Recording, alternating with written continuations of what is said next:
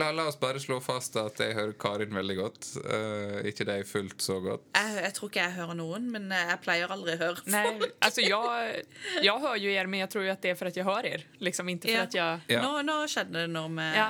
Ja, sant? ja, for det er jo volumet på høyttaleren din var stilt ganske lavt. Ok. Jo, men jag hör dig i alla fall. Ja, Ja. jeg hører nå. Hører?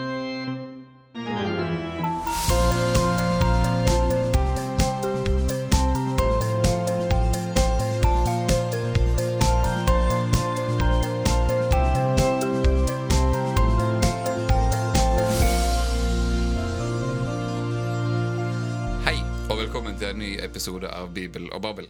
Eh, vi tar opp for første gang i nytt studio i dag.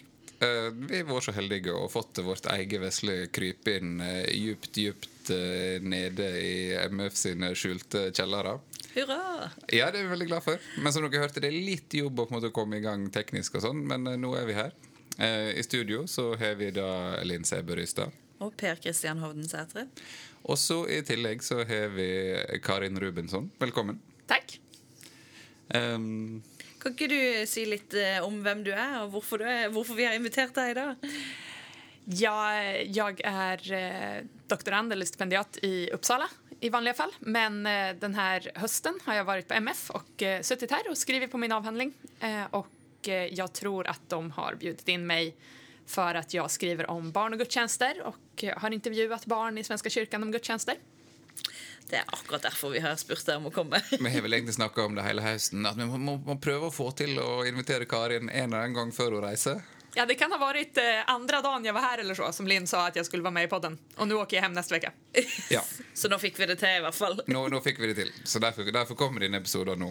Um, men vi skal snakke om um, barn og voksne i gudstjenestene. Ja. Og så skal vi komme aldri så lite inn på forkynnelse og kanskje til og med, til og med juletema. Men det blir mot slutten, da. Det gjør det. Eh, for vi skal begynne å så snakke om noe som både meg og Karin har skrevet om i avhandlinga. Eh, om oppfatninger av barn. Ja. Eh, og da også Når en snakker om oppfatninger av barn, så blir det jo også et slags sånn speilbilde av oppfatninger av hva en voksen er. Eh, og hvordan vi da liksom tenker rundt det, snakker om det i gudstjenester. Ja, hur man tänker sig att vad barndom betyder egentligen. Og på en måte så er det litt fortsettelse av det vi snakka om i, for, i den episoden om Sakkeus og representasjoner av barn og sånn, men da var vi i de antikke tekstene. eh, og nå er vi fram til gudstjeneste og forkynnelse av i dag. Ja, I Sverige. Ja, alltså mina intervjuer är ju från Sverige, men eh, jag tror att det är ungefär tillräckligt likt för att jag skulle ha kunnat intervjua i Norge om jag hade varit här och göra en liknande studie. Ja, og veldig ofte bruker vi jo eh, materiale fra USA og England, og Sverige er jo mye nærmere oss sånn kulturelt sett og kirkelig sett. Det man ska säga om mitt urval är väl kanske att jag har eh, medvetet varit i församlingar där de jobbar väldigt mycket med barn och gudstjänster. Så att det är ju kanske inte genomsnittsförsamlingen och genomsnittsbarnen som jag har intervjuat utan barn som går mycket i kyrkan. Det blir en viss, viss kontrast til ditt materiale, Linn. Blir Ja, det? gjør det, for jeg har jo intervjua helt motsatt. eh, Helt motsatt utvalg. Altså barn som eh, kommer på trosopplæringstiltak, og som regel ikke ellers. Ja, och jag tänker att oavsett om man intervjuar den gruppen av barn som Linn har intervjuat eller den som jag har intervjuat så blir det en fråga om hur man ser på barn som kommer till kyrkan, vad vi förväntar oss av barn som kommer till kyrkan och också hur man gör gudstjänster på ett sätt som säger någonting om barn. Så att eh, hur man utformar gudstjänster och sådär, det kan ju lära både barn och vuxna någonting om eh, vad man förväntar sig av barn och av barndom, men också någonting om vad vuxna ofta tror att barn behöver och också kanske om vad vuxna själva anser sig behöva i en gudstjänst och hur de här två då ibland olika behoven ska kunna kombineras. Og du har snakka om at du kjente på det sjøl når du holdt på med intervjuer. Ja, jag upptäckte ju efteråt lite grann och jag tyckte ändå att jag var ganska medveten om den här typen av föreställningar om barn och hur de fungerar innan. Men eh, sen så utformade jag min metod för studien och eh, har ju då gjort lite olika intervjuerna med barn och vuxna för att jag direkt från början tänkte att intervjuerna med barn de behövde vara mer öppna för spontanitet och jag skulle behöva vara mer flexibel. Och jag erbjöd också barnen olika möjligheter att uttrycka sig genom att rita eller genom att få röra sig under intervjun och visa saker och så. På ett sätt jag inte gjorde med de vuxna. Jag hade inte med mig några färgpennor och papper till intervjuerna med de vuxna prästerna. Och det var kanske bra, men det säger ju också någonting om hur jag då skapar en bild av vad barn behöver och hur det är att prata med barn jämfört med att prata med vuxna. Ja, hva slags bilder av barn är det som kommer till uttryck i gudstjänsten då, menar du?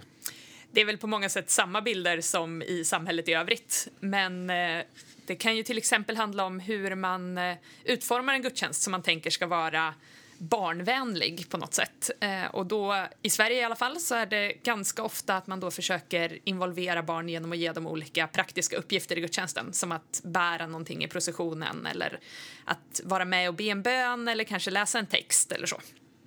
Och i de församlingarna där jag har varit och intervjuat så har det här tagit ganska mycket plats i flera gudstjänster och i en del av församlingarna jobbar man väldigt mycket med att involvera barn. Så att barnen gör allt ifrån på ett sätt lätta uppgifter som att bära någonting i en procession till att vara med och duka altaret och dela ut nattvard och sådana saker.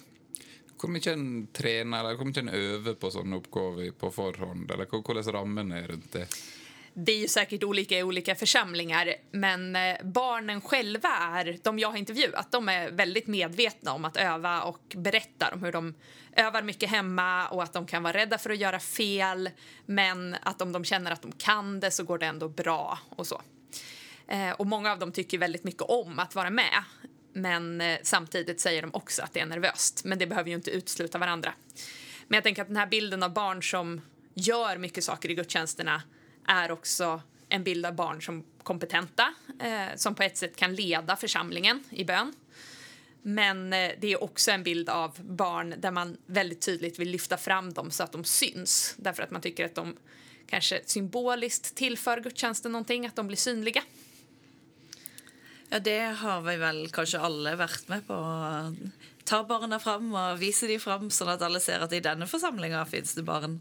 Ja, men ja, at det å ta fram ungene for at de skal synge en sang, som en, også en klassiker, på en måte har sam, Det virker på litt samme måten som når de har sånne ministrantoppgaver. Altså, oppgavene er forskjellige, men at det er faktisk poenget at de skal vise. Altså Der jeg jobba, var det i hvert fall veldig viktig for mange av de særlig eldre at, eh, at de fikk se barna når barna var i gudstjenesten. Ja, och det är ju eh, också många som säger av vuxna som kan säga rakt ut att det är en poäng att många olika delar av församlingen är representerad bland de som syns. Och då ingår barn i församlingen och därför ska de synas. Eh, men sen kan man ju också komma ihåg att för vissa, inte för alla barn, men vissa barn tycker också att det är en väldigt rolig del av att få vara med. Att man faktiskt syns och hörs och att människor tycker att man gör någonting bra. Ja, for det er jo litt dobbelt, tenker jeg. For det, som du sier, det kan være bra for barna, og, og de syns det er gøy. Og veldig mange av de jeg har intervjua, syns jo at de tingene de fikk være med på, eh, å stå og synge, f.eks., at det var det gøyeste med hele gudstjenesten. Men så er det jo da liksom den her balansen mellom å vise fram og involvere, som kanskje kan være litt vanskelig å treffe av og til.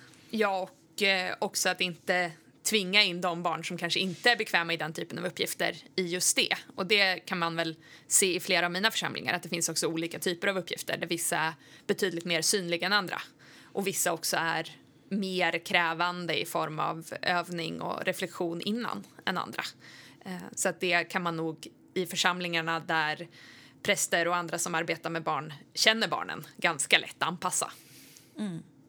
Og eh, dette er blitt forska på på konfirmanter også, hvis en har lyst til Ja. å lese Merete Thomassen sitt eh, kapittel i gudstjenester med konfirmanter, så forsker hun på konfirmanters ministranttjeneste. Så det er ikke bare barn der man liksom Der det kan være litt problematisk, da, særlig dette med å være nervøs for å gjøre ting og bli redd eller ja, känner på att eh, äh, jeg, nå lite jeg litt ut förbi komfortzonen här.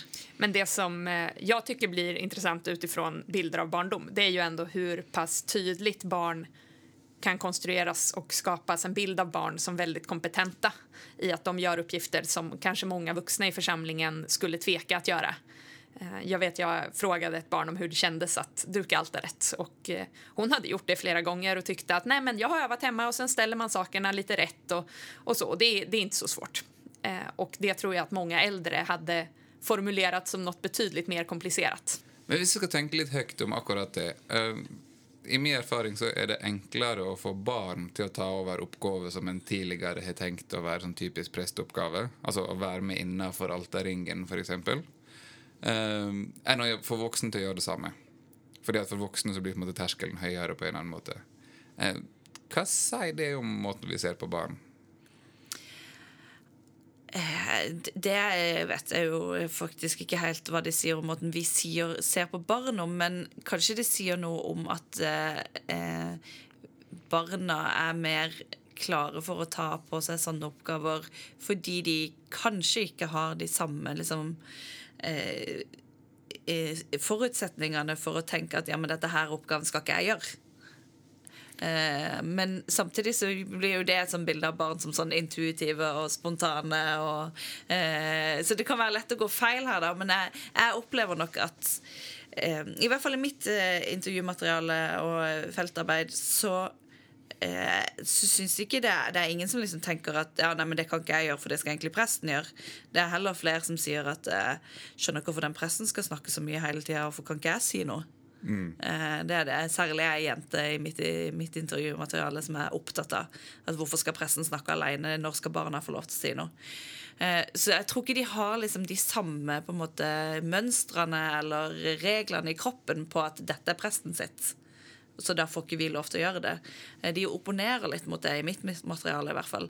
Men samtidig så er de fullstendig klar over at innsida av alterringen er liksom et annet område enn resten av kirka. Så det er en sånn der blanding av et eller annet med å ikke gå i de Ikke ha liksom de samme forestillingene i hodet av hva som er prestens og hva som er andres.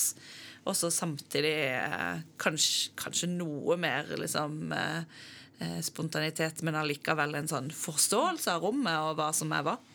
Och jag tror att det kan handla om att eh, för barn så är skillnaden mellan barn och vuxen mycket större än skillnaden mellan prästvigd eller inte prästvigd. Så att de ser det som att de hjälper en vuxen med någonting oavsett om det är en präst eller inte. Jag tror inte att det, det, är nog inte så många barn som har i huvudet att det här är en särskild prästuppgift.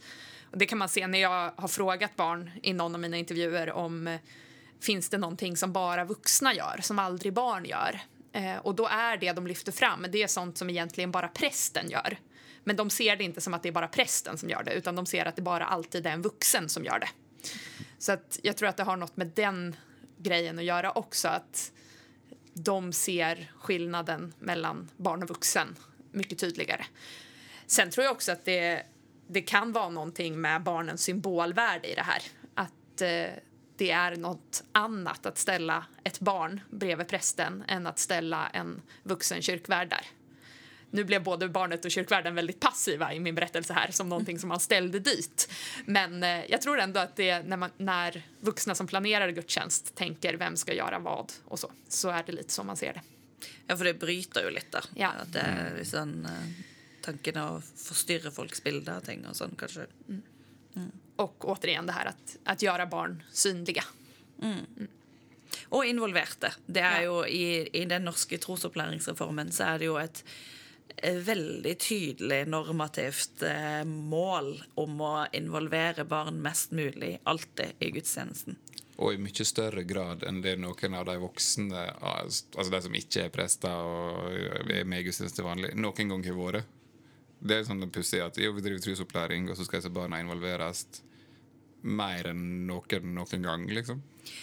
Der lurer jeg på om det går Altså at grunnen til at en tenker sånn, er at en kanskje Nå spekulerer jeg her, altså. Men kanskje at en tenker at ja, men barna syns dette er kjedelig. Så derfor så må vi gjøre et eller annet for dem, sånn at gudstjenester ikke skal være kjedelig. Da gir vi dem noe å gjøre. Jo, men det ligger ju absolut något i att man tänker att barnen på ett sätt skulle behöva sysselsättas för att stå ut en hel lång gudstjänst. Och det säger något om både vår syn på barn och vår syn på gudstjänster faktiskt. Men eh, men visst, eh, och eh, det är väl också något som många barn själva kan vittna om. Att jo, men det är, det är roligt att vara med. Eh, det kan ju jag komma ihåg från när jag var liten att en gudstjänst kunde faktiskt bli ganska mycket mer värd besväret ifall man var med och gjorde någonting. Ja, och att det är kjedelig å sitte stille og Ja. høre på. Det, det er jo faktisk eh, Det kan ju vuxna också tycka, Ja. men kanske har lärt sig att stå ut. Och det kan ju fort gå, en kan ju fort gå ut både vuxna och barn tänker att gudstjänsten är lite kedlig, Jeg den tanken kommer ifrån. Eh, men, men har vi grundlag för att säga att ungarna uppfattar gudstjänsten sånn? Eller har dere någon fund? Nej, men eh, många tycker nog också att det finns mycket som är intressant i gudstjänsten. Och eh, det ska man väl komma ihåg att det är ganska svårt att egentligen tvinga barn som är så pass gamla som de jag intervjuat att gå i gudstjänster regelbundet om de inte vill. Så att någonting får de ju att fortsätta komma dit och eh, jag tror att eh, det finns en väldig önskan av att lära sig saker. Barn lever ju i en värld där de hela tiden ska lära sig. De går i skolan. Allting är hela tiden en förberedelse för framtiden. Och I gudstjänsten så vill de lära sig saker för att förstå sin egen praktik när de firar gudstjänst men också för att få ord för att formulera sin tro och sin gudsrelation och utforskande av det. Och då kan gudstjänsten ge ett språk, en typ av teologiskt språk som de kanske inte får någon annanstans. Ja, jeg, finner det samme altså, med disse da veldig forskjellige barna. Eh, at de er opptatt av Opptil flere sier at eh, i dag har jeg lært noe, och det var gøy. Eller eh, i dag lærte jeg ingenting annet enn det jeg allerede kan fra skolen, og det er litt kjedelig. Så det er en sånn forventning om at når, nå kommer jeg til kirka, da skal jeg lære noe annet enn det jeg lærer på skolen, og jeg har lyst til å lære det. Eh, så det er liksom viktig ikke Selv om man kanskje kan ta utgangspunkt i Åh, ja, men de syns det er kjedelig. Jeg er ikke sikkert de syns det er så kjedelig. Nej, och det är olika typer av kunskap eller olika saker de lär sig. De lär sig dels hur man gör när man är med, om de till exempel har uppgifter i gudstjänsten, hur det praktiskt går till. Men sen vill de också lära sig saker om bibelberättelser och om gudstro och hur det hänger ihop för att sen själva kunna använda olika resurser för att förstå det de gör. Ja, begge det er jeg enig. Altså, det er gøy å gjøre ting og lære seg ting sånn sett. Og så er det også gøy å bruke eh, hodet eller kognitive for å lære seg noe om ok, ja, men hva er kristendom, og hvorfor gjør vi det her, og hvorfor sa Gud sånn, eller ja. Her er jo noen argument for å på en måte, ikke undervurdere barna i gudstjenestesetting og ikke snakke for mye ned til dem i dette. Ja, det er det. Eh, og det, nå har jeg akkurat lest gjennom en sånn eh, gjeng med amerikanere som har diskutert eh, det de kaller for children's sermon i mange engelske kirker, som er sånn type sånn veldig kort eh, preken til barn før barn har gått søndagsskolen. Ja, for Den bruker å komme i tillegg til preika i Yes. gudstjenester, men i samme Ja. Og da, da er det en av de som liksom kjører på med at eh, når en skal snakke til disse barna, så er det ikke er det, ikke er det for barna, og ikke er det en preken. men at de, han snakker veldig mye om at det, ja, men man snakker nedlatende, man skal snakke et barnslig språk, man skal liksom gjøre sånn og sånn. Så jeg tror han, han på en måte kritiserer det her at en tilpasser det til barna, men han mener at en overtilpasser det. da. Og det gjør vi kanskje av og til, rett og slett. At vi undervurderer litt, og så overtilpasser vi, og så snackar vi lite för barnslig. Ja, och många lite äldre barn upplever ju väldigt snabbt om man riktar sig till små barn. För de vill inte själva vara små barn, för de är stora nu. Och då tror jag att det ofta kan finnas en tendens att man riktar sig till yngre barn. Sen så är ju den här den typen av exempel som Linn tog med hur man ska prata till barn, de utgår ju också på ett sätt lite förenklat från att alla barn är likadana. Och det behöver man väl inte understryka att det är klart att alla barn inte är likadana. Och det betyder ju också att alla barn inte uppskattar samma sak eller tycker om samma sak. Och då kan det väl finnas en poäng i att tänka efter vilka barn är det faktiskt som sitter framför mig nu? Ja, men är det den här tolvåringen som går i kyrkan nästan varje vecka?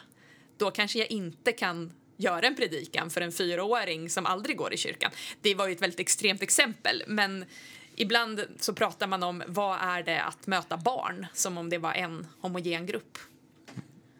Og Det er jo en problemstilling som vi sikkert kan ta en episode senere på. For altså, hva skjer når du For at du har jo aldri ei så homogen gruppe å snakke til. Men hva skjer når du skal på en måte prøve å dekke et stort spekter? Hvor ender du da? Det gjelder jo når jeg snakker til voksne også. Ja, for jeg tror at vi, vi eh, Vi snakker ofte til barn som gruppe, som Karin sier. Mens eh, til voksne så tror jeg at vi i større grad tenker at vi snakker til eh, ikke alle mellom 30 og 60. Men at vi snakker til mange forskjellige voksne. Så det er et eller annet med å differensiere i sitt eget hode. At, og jeg, jeg snakker ikke bare til tolvåringer, men jeg snakker til mange forskjellige tolvåringer. Jeg lurer på om en sånn eh, knapp inne i forberedelsen til predikanten eller eh, liturgen faktisk har noe å si, da. Og så tenker jeg at her er en link mellom det vi snakka om nå, og det vi snakka med Fredrik Saksegård om i forrige episode. At, for han hadde jo intervjua disse, bar, disse barna når de hadde blitt tenåringer. Og oppfatta kristendommen og oppfatta teologien som ganske enkel. Och att det var intellektuellt stimulerande. stimulerende. Det är ju en produkt av en för typ förkynnelse som är nettopp och måste sikta på det lavaste i hela vägen. Ja, och det kan man väl se med de barn som går mycket i kyrkan att det är klart att de vill lära sig nya saker och de vill göra nya praktiker. Det hänger ju också ihop med det här att göra saker i gudstjänsten. Att om du har burit det där ljuset i procession väldigt många gånger och ser att även väldigt mycket yngre barn kan det, då kanske du vill känna att du får göra något annat. Ja, og jeg tenker at eh, det, det gjelder ikke bare barn som har vært ofte i kirka. Altså, ikke undervurdere eh, hvor, mye, hvor opptatt de var av f.eks. eksistensielle spørsmål de barna er intervjua. Og snakka masse om døden i intervjuene. Det tror jeg han har nevnt før. Men altså at det er eh, De trenger inte ikke nødvendigvis en eh, enkel i anførselstegn fortelling som på en måte leder de veldig tydelig i ett spor. Det kan godt være de, de, altså at barna har lyst til å reflektere etisk rundt hva gjør jeg med det at det står noen utenfor i skolegården, f.eks. Og kan Bibelen gi noen, eller eh, uh, gudstjenesten eller prekenen gi noen verktøy for hvordan jeg kan takle det? Tenke rundt det. Ja, och att eh, komma ihåg att även för barn så hänger ju gudstjänstfirande ihop med till exempel det de har som böneliv utanför kyrkan eller gemenskapen i familjen eller deras personliga gudstro. De kopplar ju det till gudstjänst, precis som vuxna gör. Men alltså, nu, nu sitter vi här, tre präster, eh, och snackar om eh, barn som om de ligger väldigt mycket på oss själva. och sånt som jag vill vil være og vil at barna skal være. og sånn. Eh, Vad slags andra bilder har vi? Alltså, Har vi mer problematiska bilder av barn som skurrar mer enn enn det vi snakker om nå? Jeg tenker jo at de ofte I, i mine intervjuer i hvert fall så er det jo ofte både òg. Altså, det er ingen barn som kun er sånn idylliserte, kjempeinteresserte, eh, og som eh, Altså, de, de, som sier det, de syns også det var kjedelig. Mm. Eller eh, brukte tida på å sitte og se på telefonen, f.eks. Så det, det, er jo eh, igjen en sånn eh, Barn er også sammensatte og kompliserte mennesker, akkurat sånn som voksne er det. Ja, jag undrar lite vilken eh, bild du har av hur jag och Linn var som små. Nej, alltså vi har snackat lite sammen før episoder, for å si det sånn, men uh... Du har i mitt tillfälle ganska rätt. Ja. Nej, men och det är klart om vi börjar prata om hur barn, eh, hur barnbilder liksom formas i gudstjänster så har ju det också att göra med till exempel att eh, vuxna ofta vill dämpa ljud där barn ska vara. Man lägger ut lite mattor och kuddar och så för att eh, barnen inte ska störa för mycket och inte höras för mycket. För att det finns en väldigt tydlig bild av att barn låter. Eh, det kan ju vara sant. Vuxna kan också låta ibland. Så att bilden av barn som stör och stör gudstjänstens ordning är väl ganska stark. Och det som samtidigt då gör gudstjänsten speciell som miljö jämfört med många andra platser i samhället det är väl att den här bilden ibland lyfts fram som något positivt också. Att störningsmomentet också tillför en överraskning eller det här som eh, Modius kallar en antistruktur i gudstjänsten som bryter ordningen och därför möjliggör för en annan typ av gudsmöte. Ja, och og det kan jo være veldig fint, men det spiller jo også inn på en sånn romantisk forståelse av barn som eh, mer spirituelle, nærmere Gud, eh, hjelper oss å se Gud. Eh, og kanskje særlig nå inn mot jul, der barnet ofte blir liksom Jesusbarnet eh, som blir Gud. Altså at det er et eller annet her, i både i teologien og i vår uppfattning av liksom et eller annet slags romantisk, eh, intuitivt, spiritu spirituellt och religiöst barn. Ja, och det är ju en väldigt, väldigt stark bild som ju inte bara finns i kyrkan och teologin utan också i samhället i övrigt, den romantiska idén om det oskyldiga barnet och också då kopplingen till barnet som en messiasgestalt som kommer för att rädda oss. Det finns ju väldigt mycket populärkultur också. Men det man kan fundera på där är ju hur förhåller vi det till de verkliga barn vi faktiskt möter och hur lätt är det för de barnen att leva upp till en sån bild? Nej, för du kan jo knapt åpne ei bok eller slå på TV i adventstida uten å måtte se sånne barn i populärkulturen. Uh, såg så denne her nye filmen om eh, bygda som glemte det var jul. Den Alf Prøysen-baserte. Och där är det jo to barn som er de eneste som skjønner att här är det ett eller annat som är fel. Der är noe med den 24. desember. Och så är det gjennom deres øyne, og det är de som möter julenissen, och det är de som måtte berge hele opplegget. Uh, ja, och så har man ju Harry Potter, nästan all fantasy, Harry Potter, ja. Narnia. Sådana här barn som, ska, som är utvalda för att rädda världen. Mm. Ja, och julkalenderen är ju baserat på alltså, vi har ju, alltså, både Snöfall och Julekongen som har gått några sista åren är ju tungt Narnia-inspirerade och har dessa barnen med tillgången till den andra världen. Uh, Altså, det ligger tykt eh, i kulturen vår, rett og slett, dette, denne forestillinga av det barnet med en extra tillgång. Eh, mm. ja. Och det hänger ihop med en bild av barn som personer som kan förmedla hopp och liv och framtid. Att barnen på något sätt är garantin för att livet kommer gå vidare och att det finns en framtid. Men då är det ju barnen som symbol för de vuxna, mer än på sina egna... Betyder det? Ja, på ett sätt. Det har ju kritiserats väldigt mycket inom barndomsforskning, den här uppdelningen mellan barn som nu eller barn som framtid. Being och becoming, som man brukar prata om dikotomi. Och det är väl samtidigt en motsättning som man har börjat liksom bygga ihop och säga att ja, men det är ju inte möjligt att betrakta barn enbart som här och nu eller enbart som i framtiden. För att barn själva är ofta väldigt framtidsinriktade. De vet att de lär för framtiden, de vet att de ska bli vuxna eh, och eh, de lever ju precis som vi med liksom både planer och minnen. så att säga. Så att det här att barnen skulle vara så extremt mycket bara här och nu kanske är en vuxen förenkling samtidigt som det också är en nedvärdering av barn att säga att ja, men barn är framtiden därför att då kanske deras liv här och nu egentligen inte anses viktiga alls. Men nå har vi tegna opp ganske mange barneroller og barnefigurer. og sånn, og vi, og vi tegner dem ganske tydelig. Så, det, men når vi på en måte gjør det, så høres det ut som det ligger sånn en liten kritikk i det. Eller det gjør det vel kanskje når en skal prøve å beskrive noe, at det høres litt kritisk ut med en gang. Eh, og hvis jeg skal prøve å oversette ting til praksis og gi noen råd nå når jeg skal snakke til barn og om barn og sånn i hele desember måned, hva er det som er riktig, da? Jo, men jag tror att den här typen av teori som jag tror att både jag och Linn har utgått ifrån nu, den kallas ju för kritisk teori av en anledning. Det går ut på att alltid kritisera den typen av generaliseringar av normer som man ser. Men samtidigt så måste vi ju leva i verkligheten och förhålla oss till att både vuxna och barn man möter i kyrkan och så också lever i ett samhälle som är präglat av det här. Så att eh, där får man ju försöka göra det som fungerar i sin kontext. Ja, og, og selv om en kritiserer sant, at en skal prøve å ikke snakke til eh, barn som gruppe og, og si at ja, men de mellom tre og seks er sånn, så, så at det kan være feil, så er det jo det er jo bygga på noe. Så det er jo noe i at eh, eh, at det går an å snakke litt annerledes til barn enn til voksne. For det er jo en eller annen forskjell der. Det er det jo.